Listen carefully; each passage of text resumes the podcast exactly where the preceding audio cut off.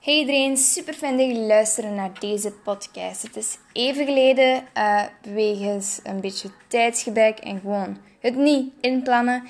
Dus hierbij eindelijk nog eens een podcast en hij gaat over macros, over calories en hoe je eigenlijk best je eetschema um, indeelt.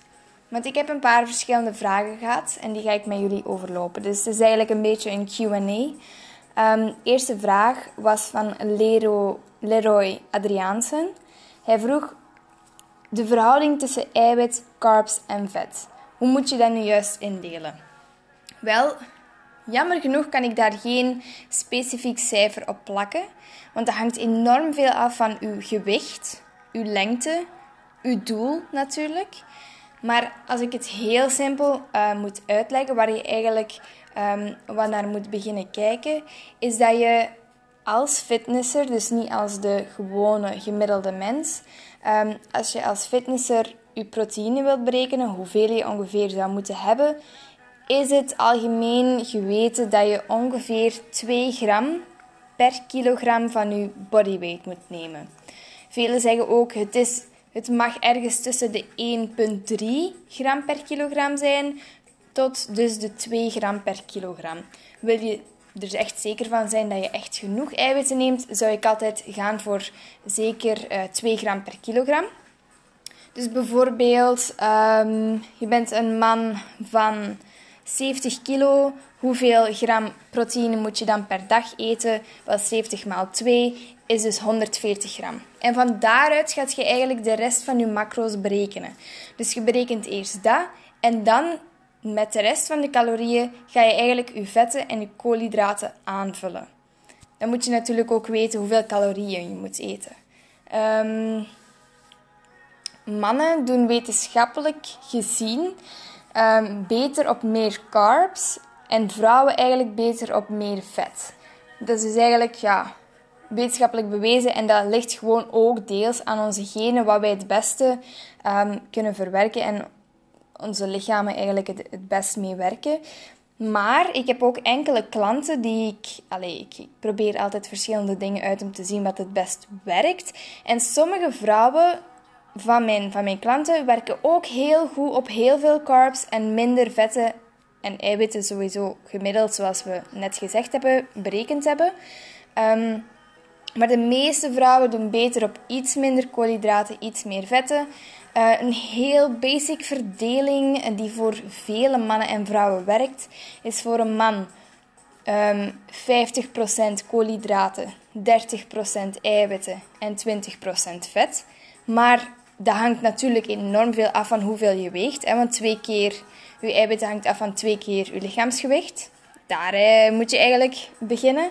Maar kom, dit is een basic antwoord. Um, en voor een vrouw is het ongeveer 40% koolhydraten, 30% eiwitten, 30% vetten. Um, opnieuw probeer eerst uw eiwitten uit te rekenen en kijk dan hoeveel je aan koolhydraten en vetten nog uh, kan besteden. Dus iets meer, vrouwen moeten iets meer um, calorieën besteden aan vetten. Um, ja, een, een daarop volgende vraag eigenlijk. hoeveel uh, proteïne moet je dan dus eigenlijk per kilogram eten? Zoals ik zei, ja, dat kan beginnen op 1,3 um, gram per kilogram. Dat is eigenlijk voor de gemiddelde persoon. Um, niet per se mensen die veel trainen. Mensen die wel veel trainen, veel krachttraining doen, hun spieren zwaar belasten. Dat is dus 2 gram per kilogram. dat was trouwens ook een vraag van Motivation pour moi. De volgende vraag is eigenlijk een beetje hetzelfde. Van Demi Kastelijn. Wat is de juiste hoeveelheid eiwitten je moet innemen en verschilt het tussen bulk en kut? Dat verschilt niet.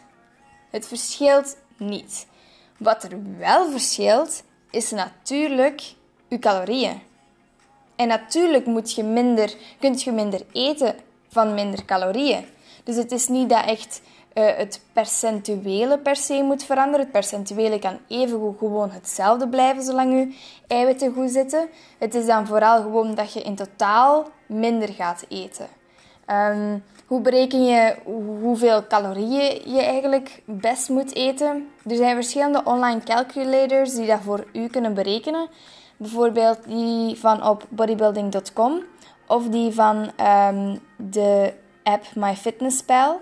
Waar je wel mee moet opletten is, je moet um, uw werk, hoe actief uw, uw job is, moet je ingeven. En dan moet je ook vaak nog ingeven hoe actief je daar buiten bent. Dus hoe actief je nog buiten je job bent. En veel mensen denken, ah ja, ik ga vijf keer per week fitnessen, dus ik ben heel actief daarbuiten. Maar dat is niet de bedoeling. Het is de bedoeling dat je je trainingen erbuiten laat. Dus wat ze dan bedoelen met je bent voor de rest ook actief, is dat je te voet naar de winkel gaat. Of heel veel met de fiets doet. Of dat je, um, ik weet niet, nog een hobby hebt. Uh, van, of, of weet ik veel, dat je nog veel met je honden gaat wandelen.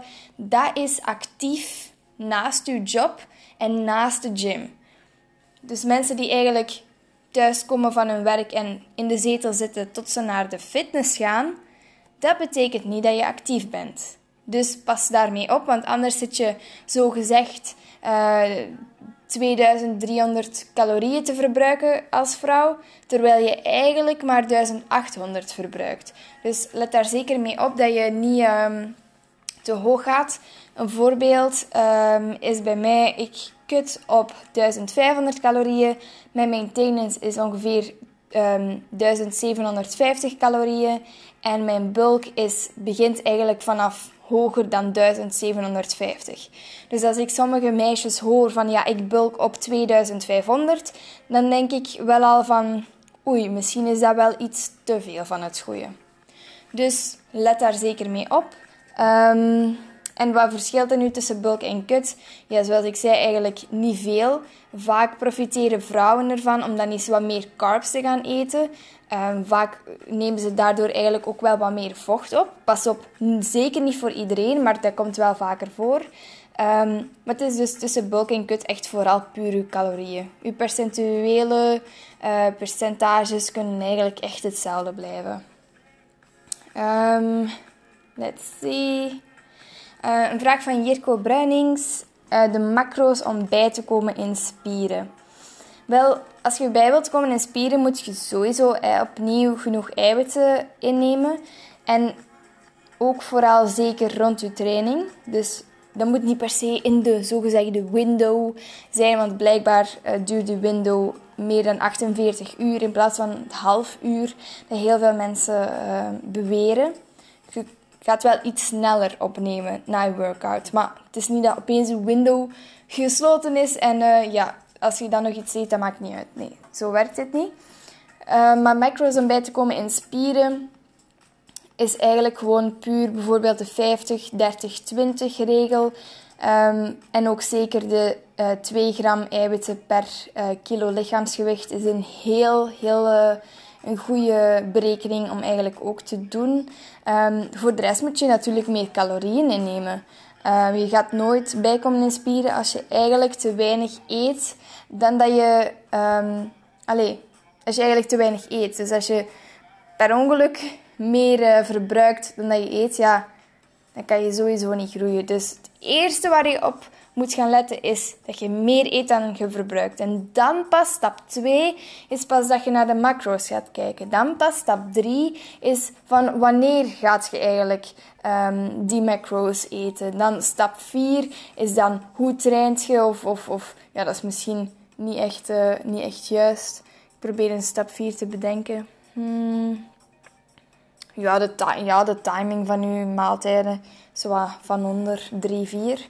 Um, even kijken. Dan heb ik nog een vraag van de naam erbij gezet? Nee. Nee, no name. Oké. Iemand vroeg: Ik zie dat veel klanten omlaag gaan in vet en omhoog in spieren. Ik vroeg me af hoe hoog het calorie surplus is die je klanten geeft en welke verdeling qua macro's. Wel, ten eerste is het heel belangrijk te denken dat je effectief uh, spieren kan bijmaken terwijl je afvalt in vet. Zeker als je nog niet heel lang of nog nooit via een vast schema hebt gegeten of getraind, dan kan, dan kan je effectief bijkomen in spieren tegelijkertijd met afvallen in vet.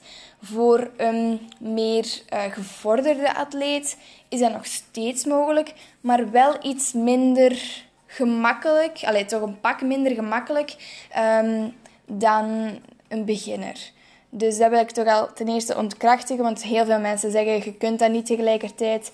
Jawel, dat gaat effectief wel. Zeker als je ervoor nog niet echt iets deed. Um, en nu qua, uh, qua de vraag, hè, de verdeling van de macro's. Um, dat is ook ja, weer, alweer minder belangrijk dan de calorieën. Hè. De mensen die zo'n resultaten hebben, die zitten heel vaak in een licht calorie deficit. Um, en die nemen vaak ook trainingsbegeleiding. Um, en hun lichaamsverdeling die wijzigt eigenlijk. Dus ze eten wel minder, maar omdat ze opeens bijvoorbeeld veel meer eiwitten eten dan gewoon. En ze hebben een goed trainingsschema dat werkt via progressive overload, wat ze ervoor niet hadden. Geeft dan heel, een, een, heel, een hele verandering eigenlijk voor het lichaam. Want je wordt dan leaner, je hebt minder huidplooi, dus minder millimeters uh, als je je vel eigenlijk vastpakt. En die bouwen spieren dus via trainingsschema, via progressive overload. Um, en daarom gaan ze omlaag in vet en omhoog in spieren. Dat is gewoon ja, het allerbelangrijkste. Um, ik gebruik vooral vetmetingen via huidplooimeters. Um, om eigenlijk hun progressie uh, bij te houden. En soms, allee, het is minder accuraat dan bijvoorbeeld een DEXA-scan. Dus soms kan het zijn van, oh, deze klant heeft in twee weken 4 kilo spiermassa bij. Ja, nee, dat kan natuurlijk niet. Hè? Het is wel zo dat de lichaams allee, de lichaamssamenstelling wijzigt. Maar het is niet van, oké, die 4 kilo spiermassa bij een week. Dat is natuurlijk niet echt logisch. Het belangrijkste daarbij bij die metingen is dat de millimeters van de huidplooi enorm naar beneden zijn gegaan. Terwijl die persoon eigenlijk niet veel minder weegt. Dus allee, je moet dat zo'n meting een beetje een korreltje zout nemen. Maar ik kijk persoonlijk als coach vooral naar de millimeters. En hoe ze er natuurlijk ook uitzien, hoe die persoon zich voelt. Voelt hij zich energiek of, of is hij gewoon helemaal leeg? Dat is allemaal veel belangrijker dan, uh, oh ja, dus twee kilo bij een spier. Want ja, dat is soms niet bepaald realistisch. Um, dit was eigenlijk alles qua vragen um, die ik hier had over, over macro's en calorieën en koolhydraten. Dus moest je dat allemaal zelf willen berekenen ik raad um, MyFitnessPal aan, of dus die site van bodybuilding.com. Um, ja, ik, ik ben een beetje onvoorbereid in deze podcast gestapt, omdat, omdat sommigen op mijn Instagram zeiden dat het wel eens echt tijd werd voor een podcast. Um, en daarom deze. Ik hoor graag via eender welke sociale media, allez, sociale media kanaal, wat jullie nog willen horen. En sorry als het een beetje een minder toppe podcast was. I do my best en super dikke merci om te luisteren. En hopelijk tot een volgende. Ciao!